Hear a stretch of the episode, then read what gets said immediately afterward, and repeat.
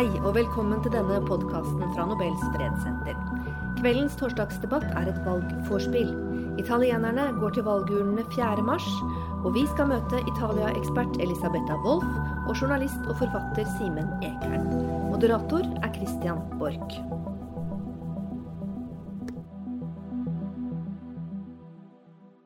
Eh, Skulle vi ta en rask presentasjon av dem? altså Fortelle hvem de er, disse personene, for å sette et ansikt på dem? Det er i hvert fall noen ansikter som vel ikke er fullt så kjent som andre. Ja, her er det den gode Berlusconi. Han er, han er, veldig, han er veldig fin på håret. Ja. Og veldig fine tenner. ja. Han ser faktisk bedre ut enn da jeg traff han første gang i 1991. Berlusconi har jo igjen, selvfølgelig, som han har gjort hver gang siden han kom inn i politikken, snakket om skatter.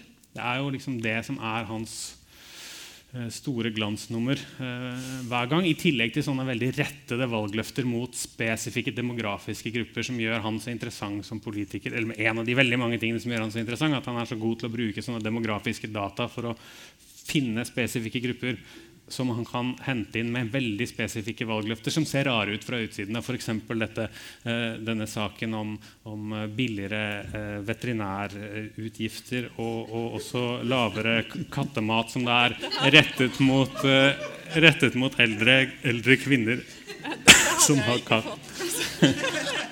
Men han er kjempegod på det, og noe av det ser jo veldig rart ut. Men noe av det funker ganske bra, da, fordi de er også ikke nødvendigvis veldig dyre valgløfter, men rettet liksom sånn at det er sånn i for, Det var en som snakket om at han i stedet for å drive med valgløfter, sånne brede valgløfter, så deler han ut liksom godteri til noen. Helt spesifikke. Her får du den, og så får du den, så får du den. Og så får alle noe. Eh, Så det har vært interessant å se han igjen, selvfølgelig, som jo er også et element av denne valgkampen. at at han er der og har vært på TV og litt mindre rundt omkring på sånne plasser og store folkemøter. og sånn, fordi han har jo litt skrantende helse, og familien ber han visst om å ta det med ro. Og det ser man nok også synes jeg, i, de, i disse TV-programmene, at han er eh, litt treigere og, og, og tar noen av de samme vitsene som før. Og undertegner denne kontrakten med italienerne som han gjorde eh, som sitt glansnummer. Eh, helt tilbake i begynnelsen av karrieren, som han repeterte denne gangen. Men det er vel egentlig hans nøkkel nå, tror jeg. Repetere er ikke så dumt for han, for han appellerer til folk som tenker at han representerer en eller annen grad av eh, trygghet og forutsigbarhet. At, eh, paradoksalt nok sett fra utlandet, selvfølgelig. Men han er nå den han er. Eh, mens de andre i veldig stor grad er litt vanskelig å vite hvem er da, for mange velgere. så sånn sett er ikke det sikkert at det er så dumt uh, for ham. Og han er da også helt til slutt, før jeg slutter, også, det er jo også Berlusconis koalisjon som i alle fall de eh, valgforskerne som jeg har snakka med, så, eh, så sier jo alle at er det noen her som har en teoretisk sjanse til å få flertall alene, altså uten å måtte uh, lage en ny koalisjon i noen områder, så er det jo Berlusconi og Salvini og Melonis uh, greie. Der kommer kampen til å stå uh, i noen grad om disse flertallsstemmene, enkeltmannskretser, der, særlig i Sør-Italia, der man ser at det står mellom femstjernernes kandidat og sentrum-høyre, eller høyre og ytre høyre, som jeg syns kanskje er en bedre betegnelse for denne koalisjonen i år. da. Eh, at det er der kampen kommer til å stå. Så man, når vi skal følge med på søndag, så kommer det til å bli interessant å se i en del av de regionene i, i Sør-Italia om, om Berlusconis og hans gjeng får de nødvendige stemmene der. Da kan de kanskje klare det som, eh, som eh, mange ville tenkt var, var utenkelig. Da kan de vinne. Og ellers så må vi bare gjette hvem som skal samarbeide. Og det kan vi jo diskutere litt mer nå, kanskje. må Maio kan jo bli en av Europas yngste statsministre igjen, da, i sterk konkurranse med Kurz i Østerrike. 31 er han vel. Som er da lederen av, av, Av femstjernersbevegelsen. Ja. og han er jo sånn ofte karakterisert litt som sånn eh, en mann en- Om ikke mannen uten egenskaper, men iallfall en mann som i forhold til Beppe Grillo, da, som jo var en voldsomt sterk personlighet, ikke sant, som ledet dette eh, de sa jo han på en måte har blitt sett på litt, ja, Som Elisabetta sa, litt sånn det moderate femstjernebevegelsens kandidat. da. Ja. Altså ikke den heller, De har jo hatt andre også som har vært mer sånn opprørske eh, Di Battista, folk som forsvant ut av, eh, av eh, Om ikke av partiet og heller ikke av valgkampen, så iallfall lederstriden. Di Maio er veldig sånn alltid i, i, i, i dress og slips Dress. og opptatt av å snakke med investorer i London og ambassadører i Roma og forsikre om at femstjernersbevegelsen kommer ikke til å liksom snu denne båten opp ned. Dette kommer til å gå ganske greit. Ja, likevel har han støtte i partiet. altså. Ja, men det Til tross for at han jo da høres ut nærmest som antitesen til Grillo. men måte. dette er jo et parti som også har hatt voldsomme indre stridigheter. Det gjelder jo ikke bare de andre. koalisjonene. Masse folk som har slutta, masse folk som har blitt kastet ut. Eh, mange av de som jeg intervjuet liksom første dagen de var i Senatet, som var fulle av eh, optimisme og framskrittstro, var jo blant de første som ble kastet ut i nettavstemninger. Mm. Fordi de hadde gjort forskjellige ting gærent i forhold til en partilinje som mange mente ikke fantes da. eller som så, så de har jo, øh, Og det er mange nå også som er misfornøyde. eller Det fins ganske mange i femstjernersbevegelsen som mener at han ikke representerer de opprinnelige idealene. Og så fins det mange som mener at han gjør det. Men han er heller ingen sånn u... Han er ikke noen, noen leder som, som det er sånn allmenn oppslutning om innad, han heller. Så det deler han jo med alle de andre. jeg, jeg må si at jeg, jeg får jo gradvis bekreftet mitt inntrykk av at her, eh, her skjer det mye rart. Billigere kattemat og statssubsidierte fuglefrø. Det er jo flotte greier, det der. Det store spørsmålet som paradoksalt nok har blitt, ble viktig i denne valgkampen. altså Diskusjonen om fascismen. Ikke bare om nyfascismen, men også en slags sånn underlig diskusjon om den historiske fascismen og arven etter den, og hvordan Italia har forholdt seg til, til det. Så det er vel noe av det andre som har preget dette. Eh, og, og helt kjapt ellers så har det jo naturligvis handlet om andre ting også. Det har jo handlet om arbeidsløshet, eh, det har handlet om den store gjelda, det har handlet om forskjellige måter å drive eh, skattevesenet Men altså, jeg, det som slår meg her, og som jeg tror er kanskje greit å få brakt på det rene, det er jo i hvor stor grad disse koalisjonene av partier si, har laget en felles profil før valget. Altså I hvor stor grad er dette som da åpenbart ledes av Matteo Renzi vel i og for seg i stand til å få de andre til å trekke i samme retning? Og hva gjør det med deres egen politikk? Det var samme med, med den konservative eller den høyreorienterte delen. Er det altså slik at det defineres en profil på disse koalisjonene, slik at de andre partiene da på en måte skreddersyr sitt budskap inn mot dette? Sånn at folk får følelsen av at du satser altså på det ene eller på det andre, eventuelt på, på femstjernersgreia i midten. Skal De av dere som får lyst til å si det noe først om dette, har herved ordet. vel tre uh, hovedaktører i forskjellige posisjoner. Fordi uh, demokratene de, de har styrt landet i fem år. Så de kjører en uh, valgkampanje som er selvfølgelig preget av det. De andre to, eh, sentrum høyre Ja, det var interessant. Hvordan, hvordan skal vi definere denne så- koalisjonen? Eh, ikke så mye jeg tror- Nei, nei, jeg tror det er Det vil mm, kanskje være riktigere å kalle det bare høyre. Eh, absolutt ikke ytre høyre. Det har jeg ikke enig i. fordi altså, ytre, det, ytre er radikal. Eh, det mm, kan også være ekstremistisk. og det eh, jeg, jeg ser ikke at, eh, jeg ser ikke at uh, verken eh, ja, Kanskje leger, men i hvert fall de andre er så eh, så radikale som eh, man ville tro. Eh, disse to, Casa Pound Italia, Forza Italia, de er virkelig radikale. Så de kan, eh, dem kan vi definere som ytre, ytre høyre. Og kanskje eh, makt til folket der oppe er som ytre, ytre venstre. Så Berlusconi ligger eh, til høyre. Men um, tilbake til eh, det jeg det jeg skulle si. Eh, Høyrekoalisjonen, eller den konservative, den konservative blokken, og eh, Femstjernenes bevegelse, de, de kjemper nå for makten.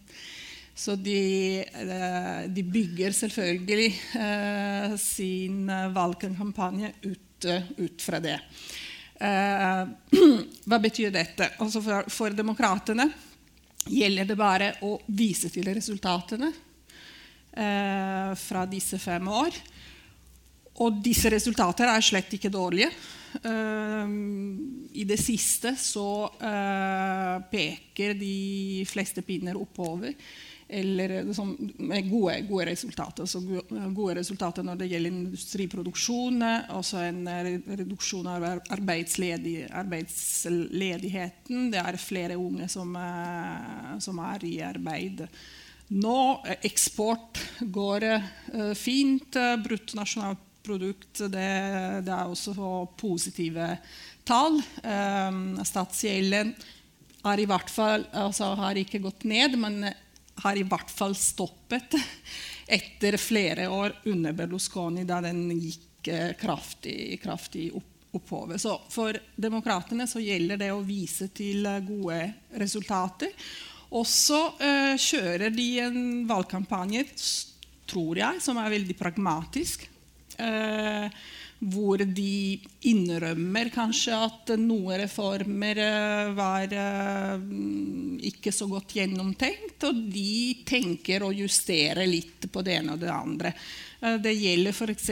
pensjonsreformen og arbeids, arbeidsreformen. Eh, så veldig pragmatiske, og, og de, de, søker mer tillit. Eller de ber om uh, mer tillit for å kjøre rett og slett samme kurs. Og så For de andre to så, uh, så er det vanskelig å få, å få innpass. Altså de, de, de, de, kjører mer aggressivt. Um, og her syns jeg det er viktig å skille mellom retorikk og løfter som er eh, typiske for alle valgkampanjer, særlig for de som kjemper for makten, som vil erstatte eh, de andre, og realpolitikk. Også nå er det en, eh, si en fase disse dager når, når vi, jeg konstaterer, vi konstaterer veldig mye retorikk og veldig mange løfter og um, rare rare for, uh, forslag. Um, ikke alle, for Berlusconi snakker også om uh, minstepensjon på um, 1000 euro, som ja, er han har snakket til pensjonister, og pensjonistene er en veldig stor gruppe mm. i, i uh, Italia. Uh, så løfter, men, men så, uh, så, kommer virkeligheten. Og den kommer allerede 5. mars. Og da vil jeg, vil jeg tro at både Høyrekoalisjonen og Femstjernes bevegelse vil, vil handle fornuftig. Og de har allerede moderert seg veldig i sine, i sine posisjoner. Um, euro Altså kamp, kamp mot EU mot uh, euro har nesten forsvunnet i de siste, de siste dagene. både når det gjelder Høyrekoalisjonen og når det gjelder Femstjerners bevegelse. Um, Flat tax var noe som ble nevnt av eh, Berlusconi og allierte. Eh, det er, det er selvfølgelig en, eh, ja, noe som kan tiltrekke mange, særlig de rikeste. Men altså, jeg tror ikke at italienere er så Eh, så dumme at de tror at en flat tax for hele landet eh, kan, kan være positivt. Altså de skjønner godt at dette er noe for, eh, som er fordelaktig for de rikeste. Men kan du si, kan du si, Er det altså slik at de partiene som nå samarbeider i venstrekoalisjonen, stort sett harmoniserer sine politiske standpunkter i valgkampen for å gi inntrykk av at de tilhører en enhet? Kan jeg svare på det ja, ja. Eh, nå? Da? For jeg tror, jeg tror, svaret på det er nei, og det gjelder egentlig begge koalisjonene. Altså, det vi ser, er jo et, en konsekvens av det Elisabetha sa, at mm. valgloven favoriserer koalisjoner. Men det betyr jo ikke at det er eh, så veldig lett å lage koalisjoner og bli enige. Og det har jo preget valgkampen veldig. altså Berlusconis og, og, og, Salvinis koalisjon har jo eh, i enkelte faser av valgkampen argumentert like mye mot hverandre som mot de andre partiene. De er jo ikke enige om hvem som skal bli statsminister, f.eks. Eh, eh, nå kunngjorde Forza Italia at de har funnet sin kandidat, at det er EU-parlamentets president Tajani. Um, kanskje kan Salvini godta det, men kanskje ikke. I hvert fall ikke hvis han blir det største partiet. Så vil jo han være statsminister uh, selv. Uh, så de har kranglet om ganske mye. Og venstresiden har vært kanskje enda mer splittet enn en, en noensinne. Altså, partikonsentrasjonen er jo et resultat av en splittelse som fant sted rett før, valget. Liksom. Så de er åpenbart ikke enige om alt. Og de er i hvert fall ikke enige om at, uh, at Matteo Renzi er en god leder. Og han kommer antagelig nesten helt sikkert ikke til å bli statsminister selv om de skulle gjøre et kjempebra valg. Eh, de er nødt til å finne en annen kandidat, kanskje Gentiloni, som er statsminister nå. da. Men, men han har vel, og det fikk jeg inntrykk av også på en sånn pressekonferanse forleden, eh, sånt, for utenlandske journalister da, i, i, Roma. Da var Renzi der ganske liksom, avslappa i forhold til hvordan han har vært, men litt avslappa også fordi det virket nesten som han hadde innfunnet seg med at dette er hans siste valgkamp på en eh, god stund. Og, og kommer han tilbake eh, for å snakke med utenlandske journalister, så er det nesten helt sikkert ikke som statsminister. Det sa han selv også. Så det er også paradoksalt da, i denne kampen her at, at, eh, at ingen av de som eller verken Berlusconi eller Renzi, som leder liksom, den store høyre- og den store venstrekoalisjonen, kan bli, eller kommer til å bli statsminister. Det er jo en annen pussighet ved dette valget at vi vet ikke riktig hvem som er statsministerkandidat her. Dette må jo bety altså at hvis det da er en av disse gruppene som nå får klart flertall, og presidenten henvender seg til da den personen som er da den ledende figur innenfor den koalisjonen, så vil det kunne dannes en regjering, men du vet jo da ikke hva den regjeringen vil ende opp med i praktisk politikk. altså vil jeg tro ut fra det dere sier nå.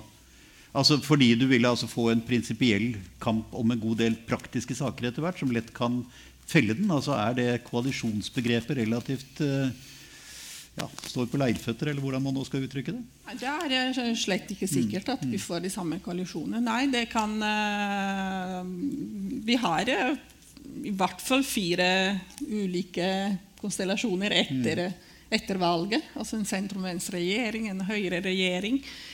Uh, en femstjerner bevegelseregjering. Det, det, er veldig avhengig om Luigi Di Magno, Di Maio, er villig til å samarbeide med andre partier, eh, og at andre partier er villige til å samarbeide med, med femstjernens bevegelse. Alt kan skje.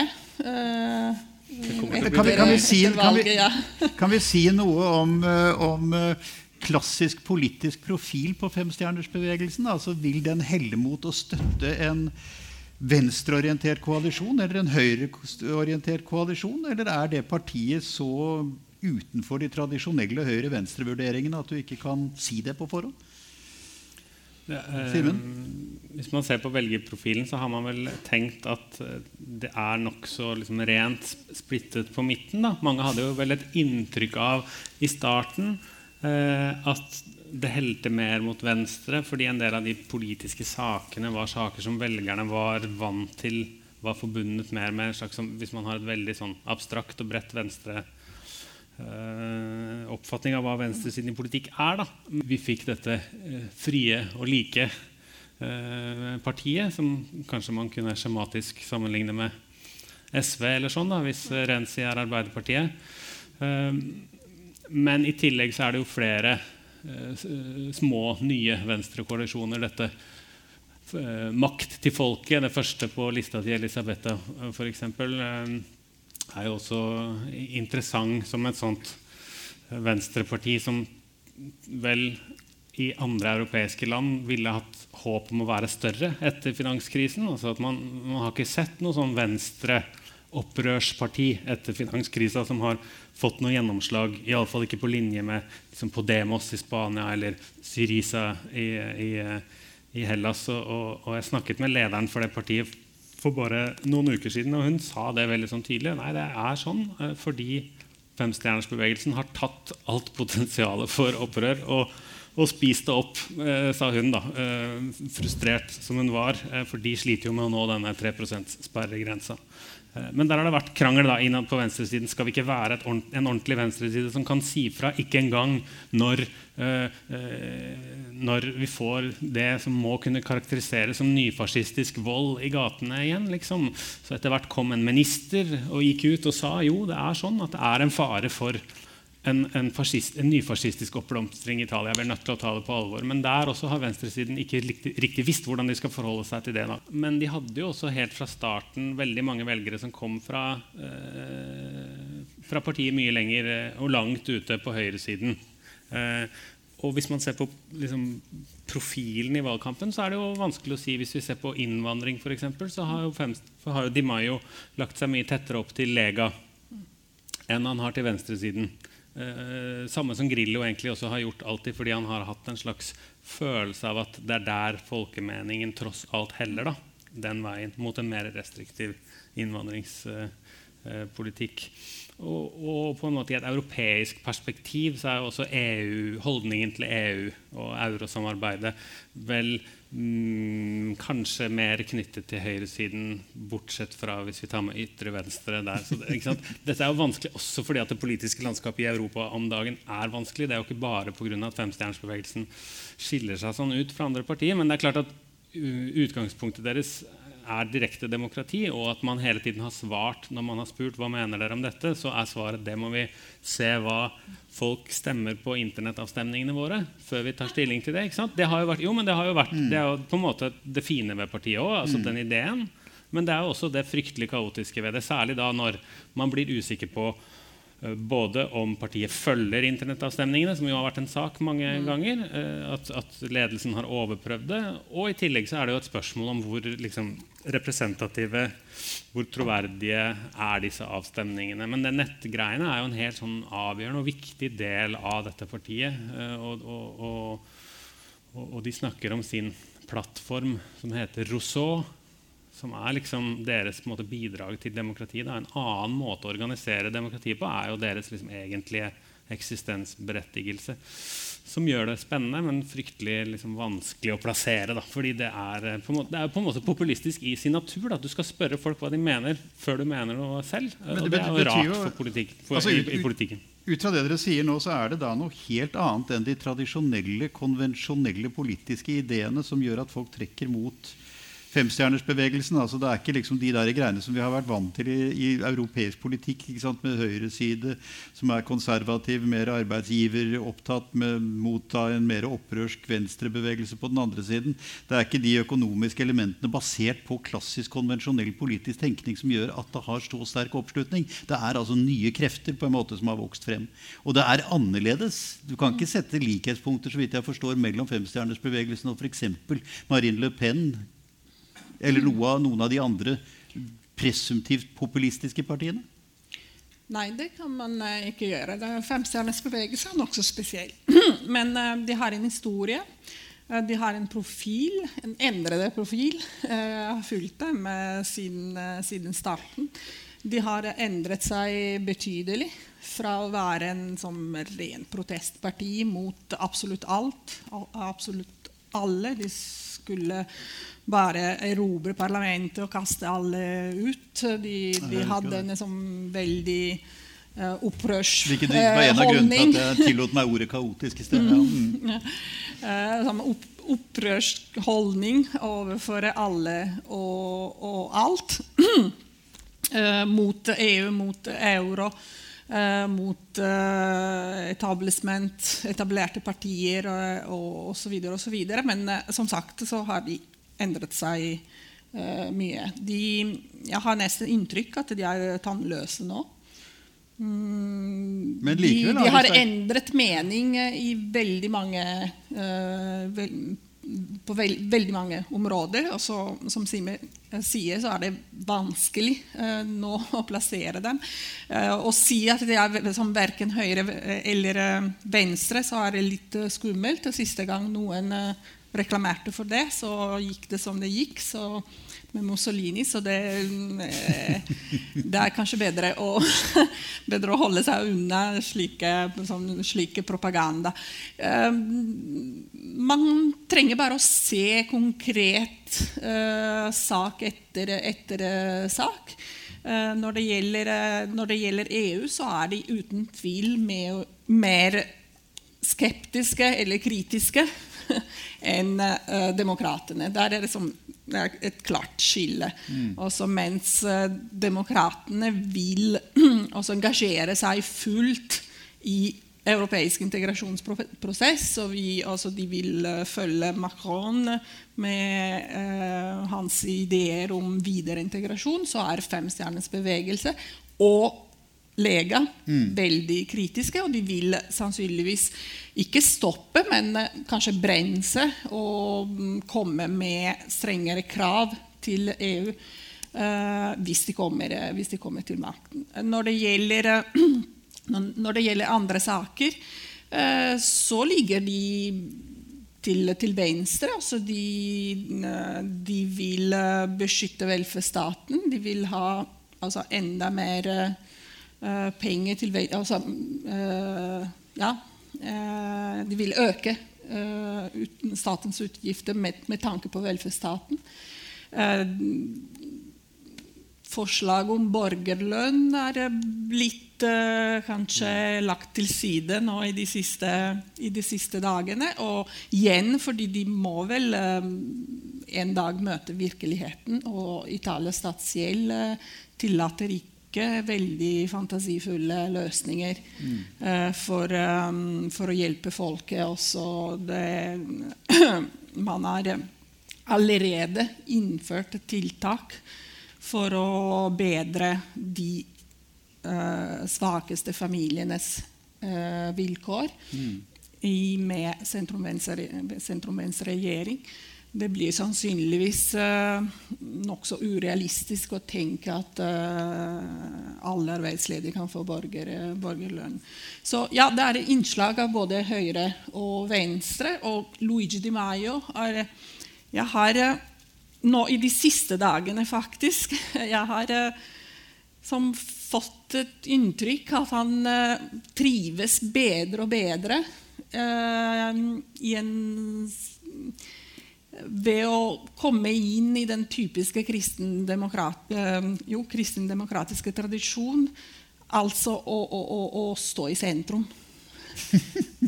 ja, ja. Som å ikke bevege seg for mye, verken til høyre eller til venstre, men være i sentrum og, og, og, og få, slik få oppslutning eller tilslutning fra, fra flere.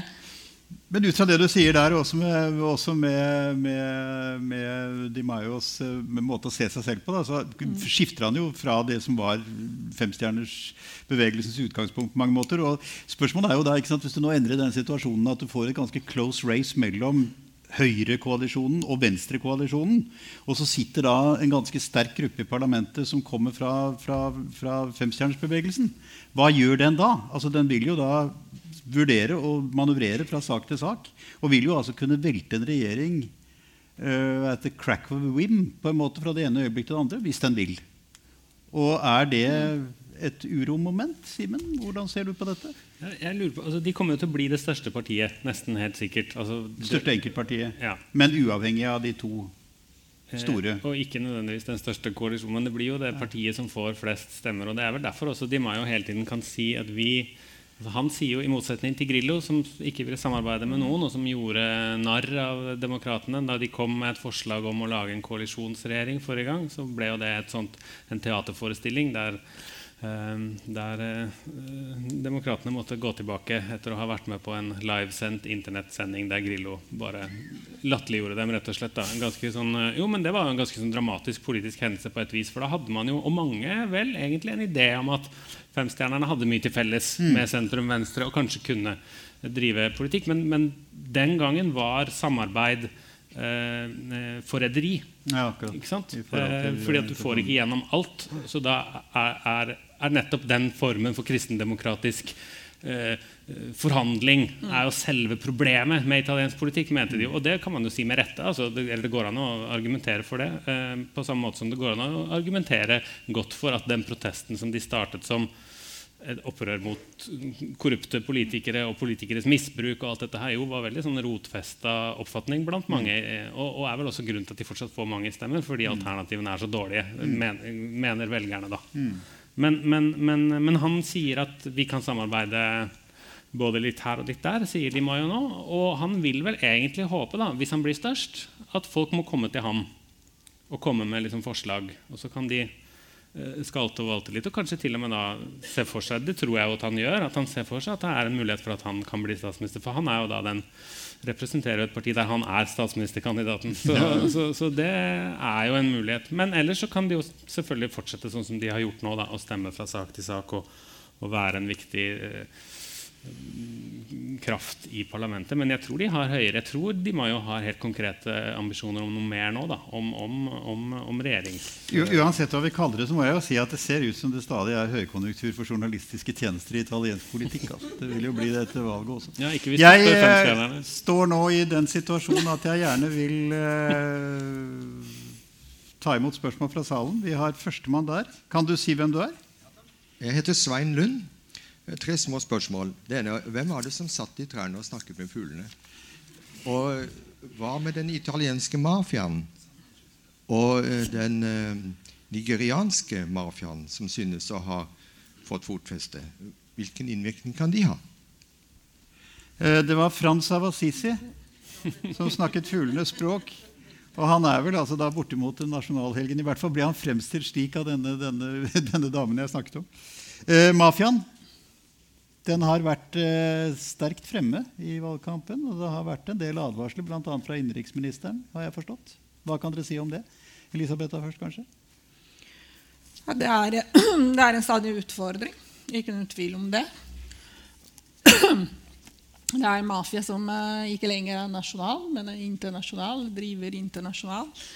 Uh, jeg tror man kan si veldig kort at uh, de tre hovedaktørene, altså koalisjoner og partier, de er alle engasjerte i kampen mot, mot mafia.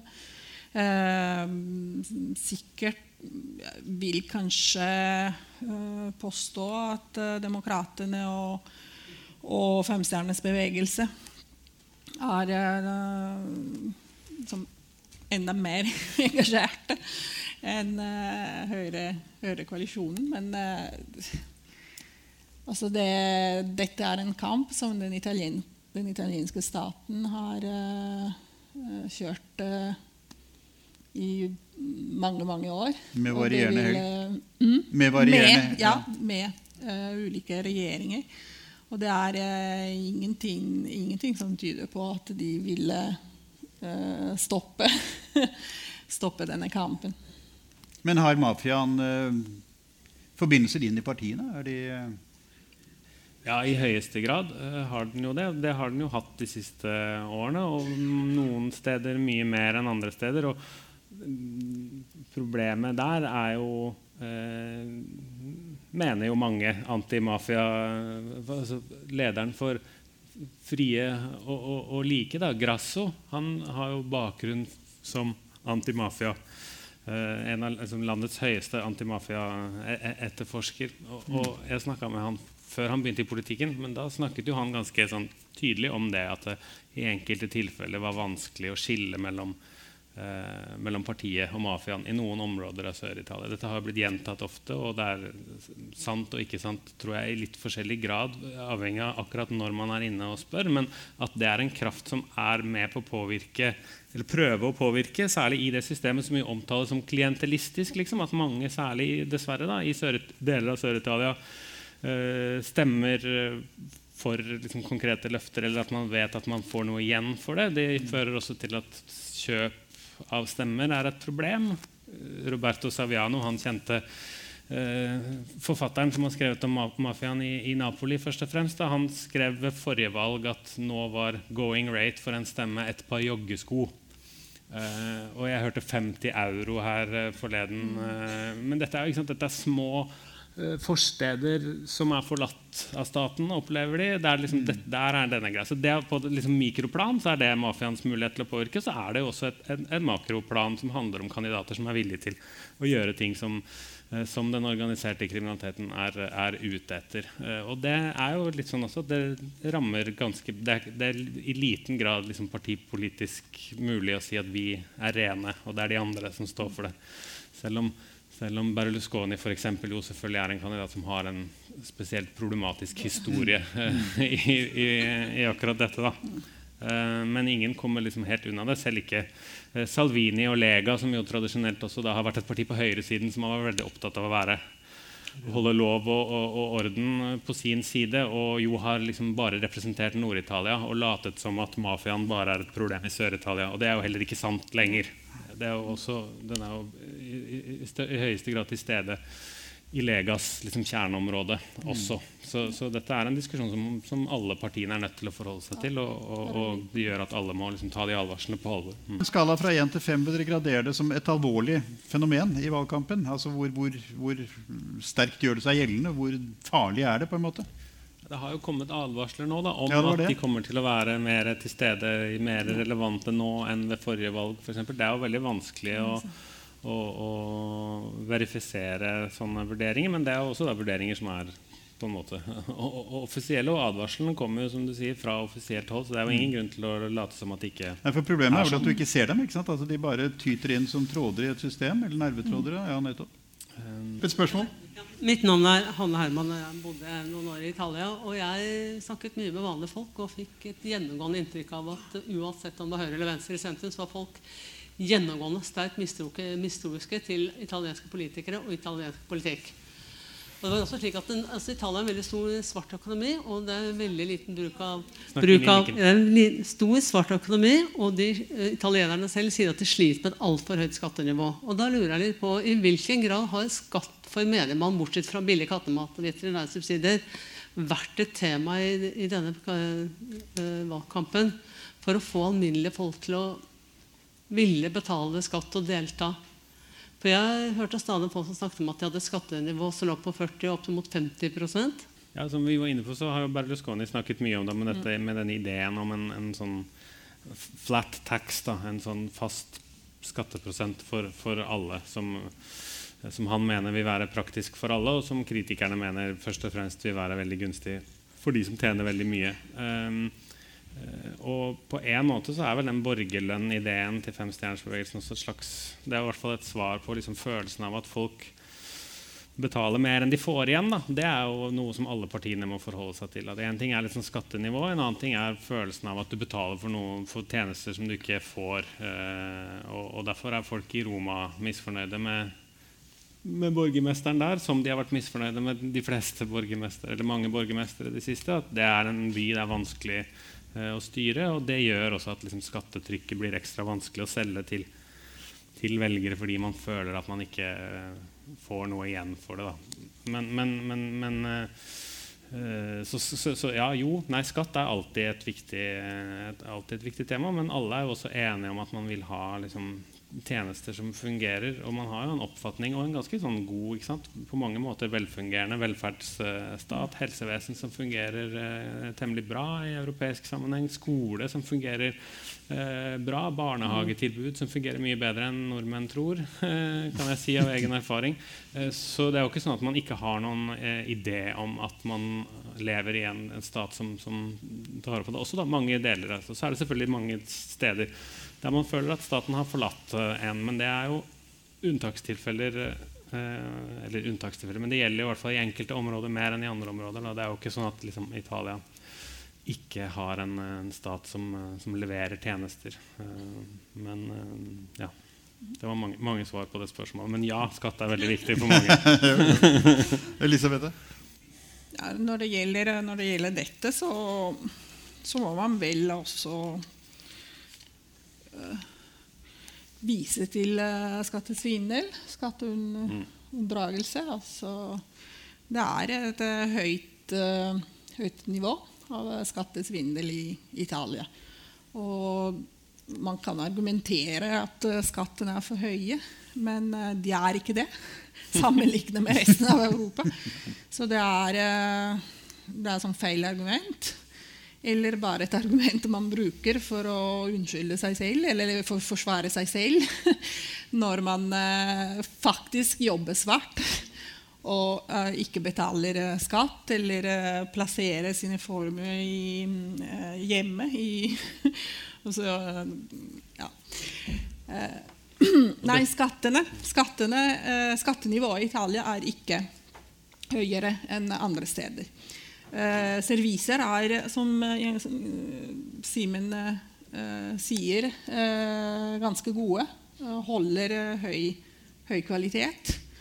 Eh, så tror jeg at løsningen kan, kan være å fortsette kampen mot, mot skattesvindel. Det er jo ikke tilfeldig at det var det første Mario Monti prøvde å gjøre da han ble liksom, teknokratisk statsminister. var jo fordi det er upopulært. ikke sant? Det er upopulært å si det er ikke mm. skattenivået som, det er dere som er skylda. Dere har skylda sjøl fordi dere ikke betaler skattene dere burde. Det er jo ikke noe særlig god liksom, valgkampstrategi å, å, si.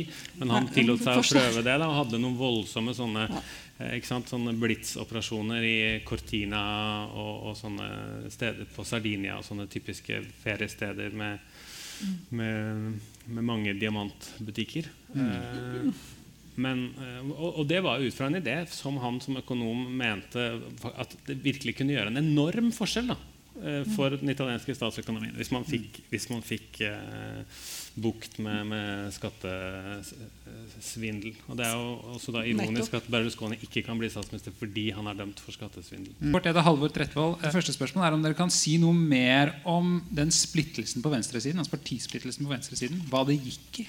Uh, og det andre jeg er interessert i å høre mer om, som jeg lurer på om dere kan si litt mer om, er uh, det som ble nevnt i stad om at uh, historien går igjen i denne valgkampen. altså Forholdet til fortida og til, eh, til fascismen. Det hadde vært spennende å høre litt mer om hvordan det eh, preger valgkampen. Når det gjelder å splitte seg i venstresiden dette, dette har vært noe som har fulgt venstresiden helt fra starten. Når jeg, når jeg sier starten, så tenker jeg Uh, altså 1848? 1890-årene. Det kommunistiske manifest. Uh, ja, det også. Men uh, når det gjelder Italia, så etter, etter, opprettelse av det sosialistiske partiet i 1892 så har det vært uh, splittelser hele, hele tiden. Men dette tyder kanskje på demokrati. At, altså hvis noen ikke mener det samme, så er det bedre kanskje å lage et nytt parti og skille lag istedenfor uh, uh, å følge slaviske uh, ledere. Det er så klart en svak side for Eller en svakhet for venstresiden. Helt, helt, klart. Du, du spurte sånn konkret altså denne, denne gangen. Arbeidsreformen er kanskje ehm, det viktigste, det viktigste svaret. Renzi i sin regjering kjørte ganske uh, hardt mo, uh, med en, en, reform som gjorde det, gjorde, det, lettere å si opp folk, gjorde det lettere å ansette midlertidig. Uh, istedenfor uh, fast ansettelse. Og dette, uh, dette ble ikke særlig likt av mange partifeller som uh, nettopp valgte å skille lag. Og så er det det andre svaret kan være at uh, altså, Renzi gjorde en, uh, gjorde en feil. Han, som, han personifiserte veldig mye politikken på venstresiden. Eh, og ville bytte av alle de, den, den, den, gamle garden med unge, unge, folk, som var selvfølgelig hans tilhengere. Dette eh, provoserte også veldig mye eh, innenfor eh, det demokratiske partiet. Noe som førte til, eh, til splittelser jeg tror det henger mye sammen med eh, liksom, Rensis strategi.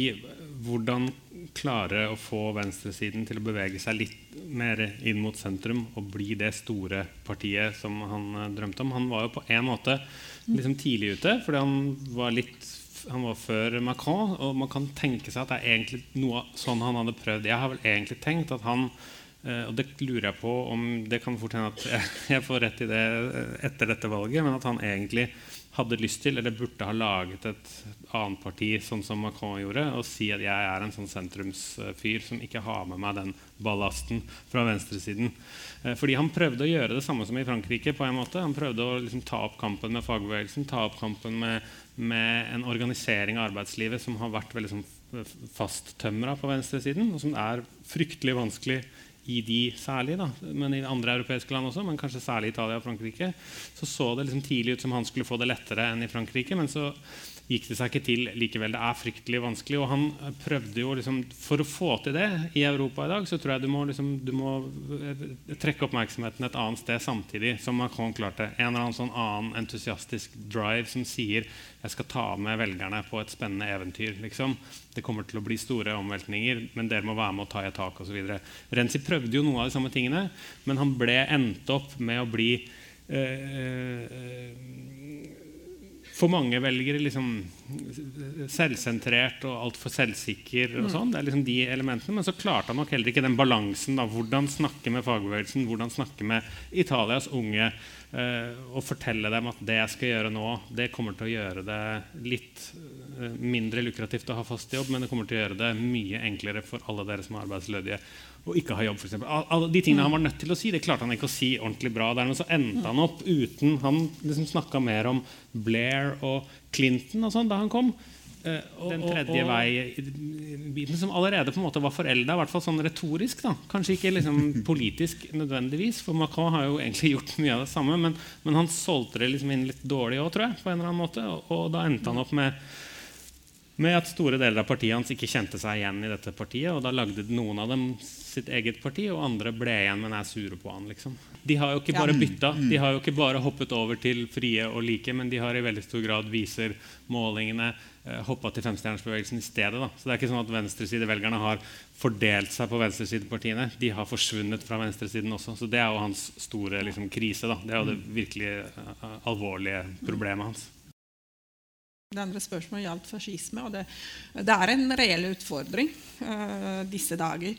Uh, nå, er det, nå, er det, slik at voldsepi, voldsepisoder uh, gjelder Altså kommer både fra venstre og høyre. Også det som er den, en utfordring, er at enkelte, enkelte velger en form for protest som, som er voldelig og som eh, går eh, direkte imot eh, demokratiske spilleregler og demokratisk, demokratisk holdning.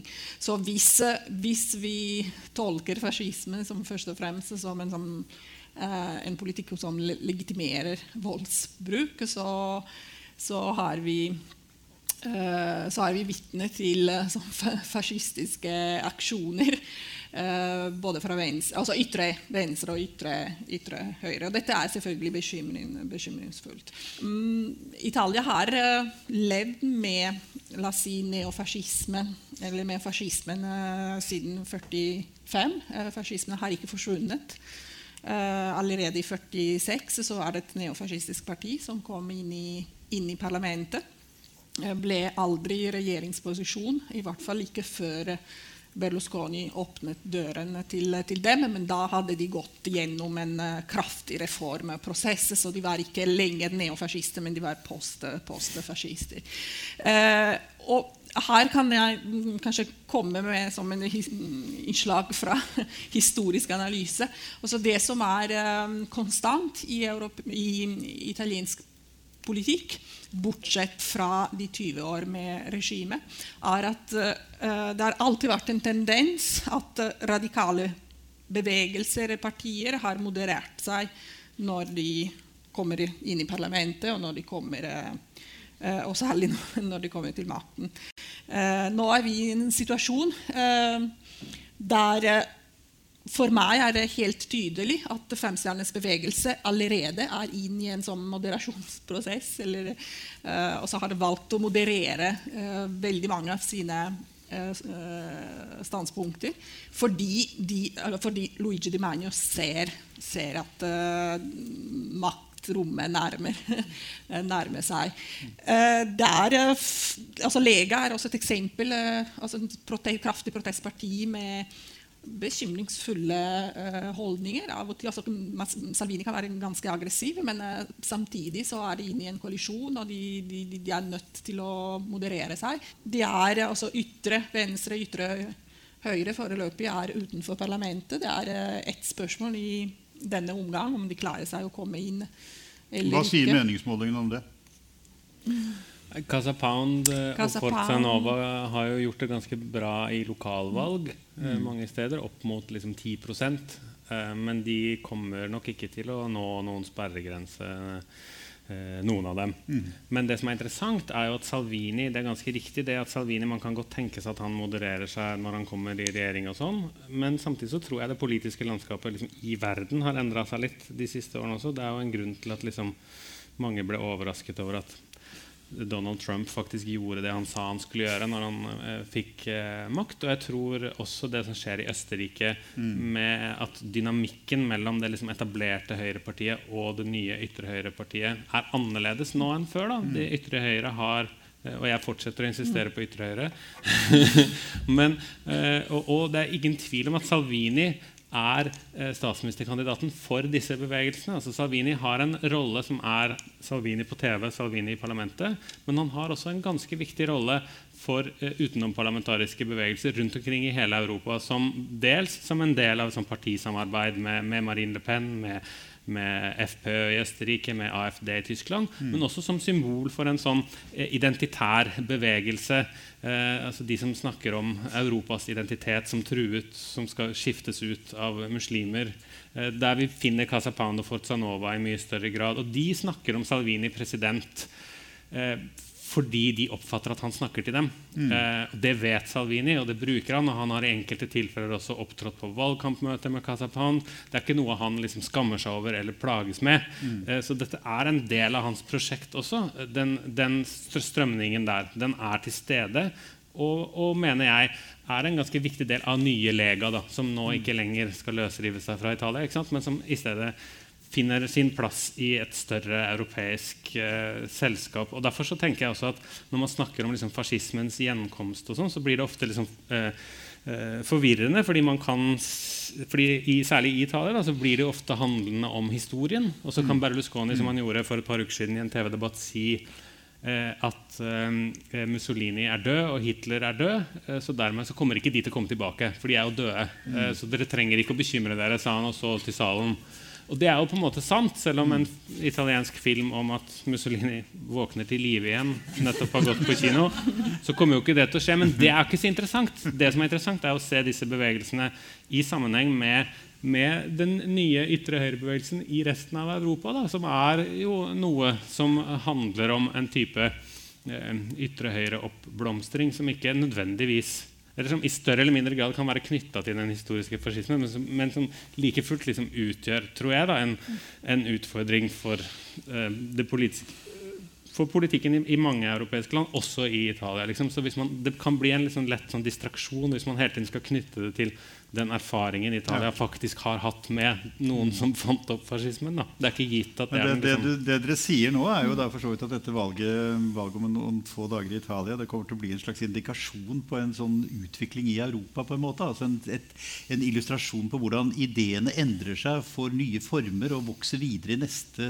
trinn. Da, på sett og vis. Det blir jo... I hvert fall Hvis, hvis Salvini kommer i regjering, så ja. tror jeg at det blir helt at vi blir helt nødt til å se det i sammenheng med det som har skjedd i Østerrike. Ja. Eh, eh, og det som ikke skjedde i Frankrike, men som kunne skje i Frankrike. Det er, det er jo en liksom, fellestrekk her. Og store ting eh, i spill som Italia er en del av, som ja. ikke er spesifikt italiensk bare nødvendigvis. Da, tror jeg. Da er det et spørsmål der. Jeg lurer litt mer på Fratelli d'Italia, altså de småbrødrene på høyresiden var litt overrasket over at de innlemmes uten videre i et tradisjonelt høyre, en tradisjonell høyredimensjon.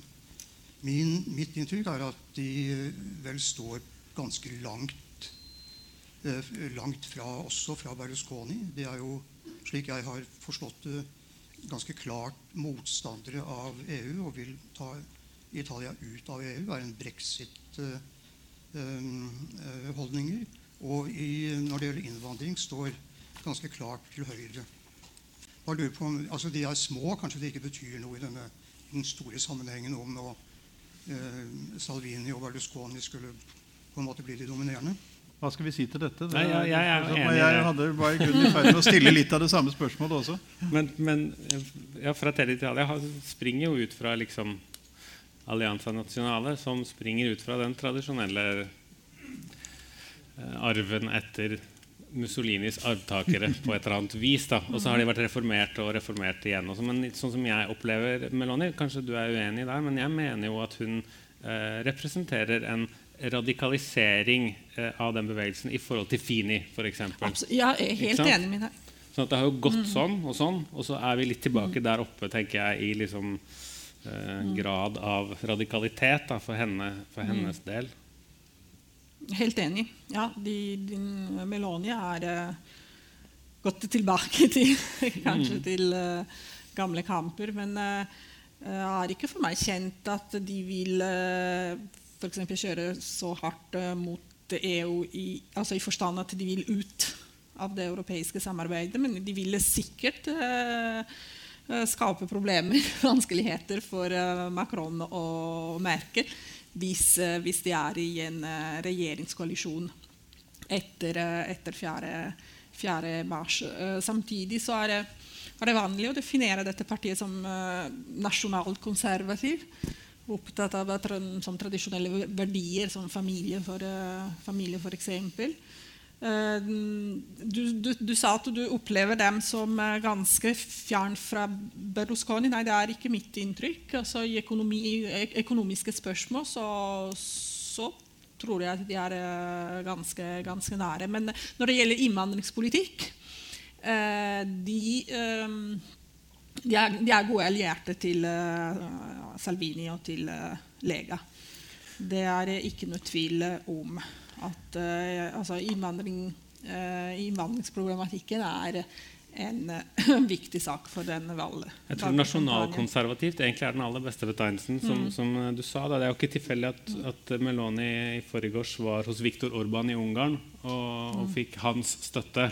Eh, og det er jo sant, en annen fløy igjen i europeisk politikk, men en som er ekstremt orientert mot en type sånn, eh, verdier i den forstand liksom familie, nasjon eh, en, en, Som jo på en måte liksom mange andre partier også er, men de representerer i mye større grad en sånn tradisjonell eh, Også mye mer eh, katolske enn det Legas velgere f.eks. er. Altså, så religionen, nasjonen og familien på en sånn eh, nasjonalkonservativ, tradisjonelt liksom ytre eller langt ute til høyre, sånn som man har kjent den fra liksom Spania eller Men, men, men, men, men Viktor Orban-alliansen er interessant, tror jeg. Den sier kanskje noen ting om det nye politiske landskapet, hvor de plasserer seg i Europa um, i dag. da. Men la meg si bare et par ting. Også hvorfor, hvorfor har vi Casa Pound og Forza Nuova? Jo, vi har dem fordi fordi det er mange som mener at uh, Italias brødre ikke er uh, som ytre høyre nok, at de, at de, ikke er radikale, radikale, nok. Så dette teller kanskje po, uh, positivt, eller veier positivt for uh, Meloni. Og samtidig uh, vurdere som kriterium hvem som er klarere i å ta avstand fra voldsaksjoner, f.eks. Altså, er klarere enn eh, Salvini. Uh, Salvini bekymrer meg mer. Han uh, flørter mye mer med uh, utenomparlamentariske grupperinger og sånn voldelig protest enn det Meloni, Meloni gjør. Jeg, tror ikke Meloni kommer til å gjøre en, noe særlig godt, godt valg. Hun står nokså svak både i, i, koalisjonen, men også internt i, i partier. Eh, sanden renner ut av vårt timeglass. Jeg har sett én hånd strukket opp i ytterkanten av ja, horisont der nede. Frans Delamea, jeg er italiener og er tilhenger av femstjernersbevegelsen. Og eh, tilbake til eh, i alle fall, eh, den eh, altså politikerforakten i, eh, i, eh, i, Italia, spesielt i små og mellomstore bedrifter og folket generelt, er jo meg enormt.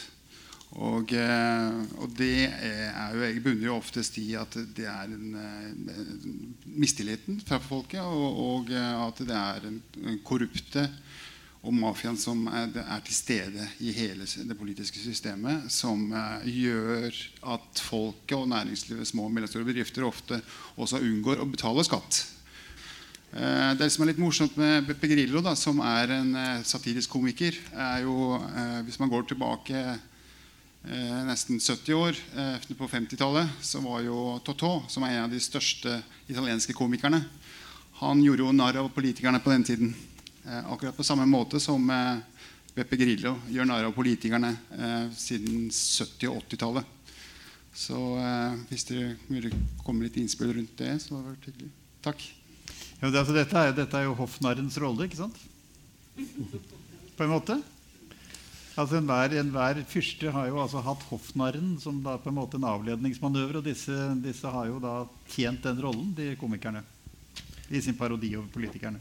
Grillo fylte jo en viktig funksjon da han dukket opp. Liksom. Han fikk enorm, en enorm kraft i den protesten. Også fordi det var, et, liksom, det var jo på den tida også et veldig sånn stort eh, opprør. Noe av det som bundet i liksom, journalistisk arbeid med å avsløre politikerprivilegier og kaste den og sånn. Og, og kombinere, kombinere, det med humor, sånn som Grillo gjorde, var eh, frykt, ekstremt effektfullt og, og helt sikkert eh, på mange måter eh, liksom, eh, bra for det politiske systemet i Italia i starten. Og så tror jeg ikke det var så bra da han bestemte seg for å lage opprøret sitt til et parti. Da. Det var i hvert fall vanskelig for han eh, fordi det er vanskelig å forene de to tingene. Og det tror jeg kanskje er grunnen til at han i noen grad har forlatt partiet eh, også. Eh, at han ikke helt har evnet å forene den satiren og den skarpe kritikken med det å være bærer av et eh, politisk eh, prosjekt. Særlig når, når Casaleggio, hans medgrunnlegger, døde, så har han vel, eh, har jeg inntrykk av, ikke i så stor grad kjent seg igjen i, i, i, partiet lenger. Han var avhengig av en annen type støtte innad i partiet enn det han har nå. Kan man, kan man se for seg. Så jeg tenker at det er en, et tvega sverd da, å, å, kombinere satire og politikk når du skal være politikeren sjøl. Det er ikke så lett. Men spørsmålet er jo da om man har hatt en funksjon. altså Om man ja. har altså kanalisert akkurat den politikerforakten du sier, og fått den opp og ut på et eller annet sett, slik at den er på en måte kommet opp fra folkedypet og blitt et politisk fenomen. Og i så fall har det jo skjedd noe i det. Jeg er altså veldig lei for det, men jeg har da den oppgaven at jeg er møteleder her. Og møteledere har altså da oppgaver med å sette bom for tingene når det skal settes bom for tingene. Det er ikke fullt så brutalt som det var i fjernsyn, for da ble du liksom båret skrikende ut når tiden var omme. Da var det liksom ikke noe valg i det hele tatt. Der er det litt mer fleksibilitet. Men jeg skal ikke si noe annet enn at akkurat Hjertelig takk til, til Beppe Grilli og, og, og Simen Ekern og Elisabeth Wolff. Takk for at dere var med, og la oss se frem til 4. Eh, mars med stor spenning. Det er jo altså ikke bare Italia, men det er jo også Tyskland. på en måte. Ja. Takk skal dere ha. Takk for fremmøtet.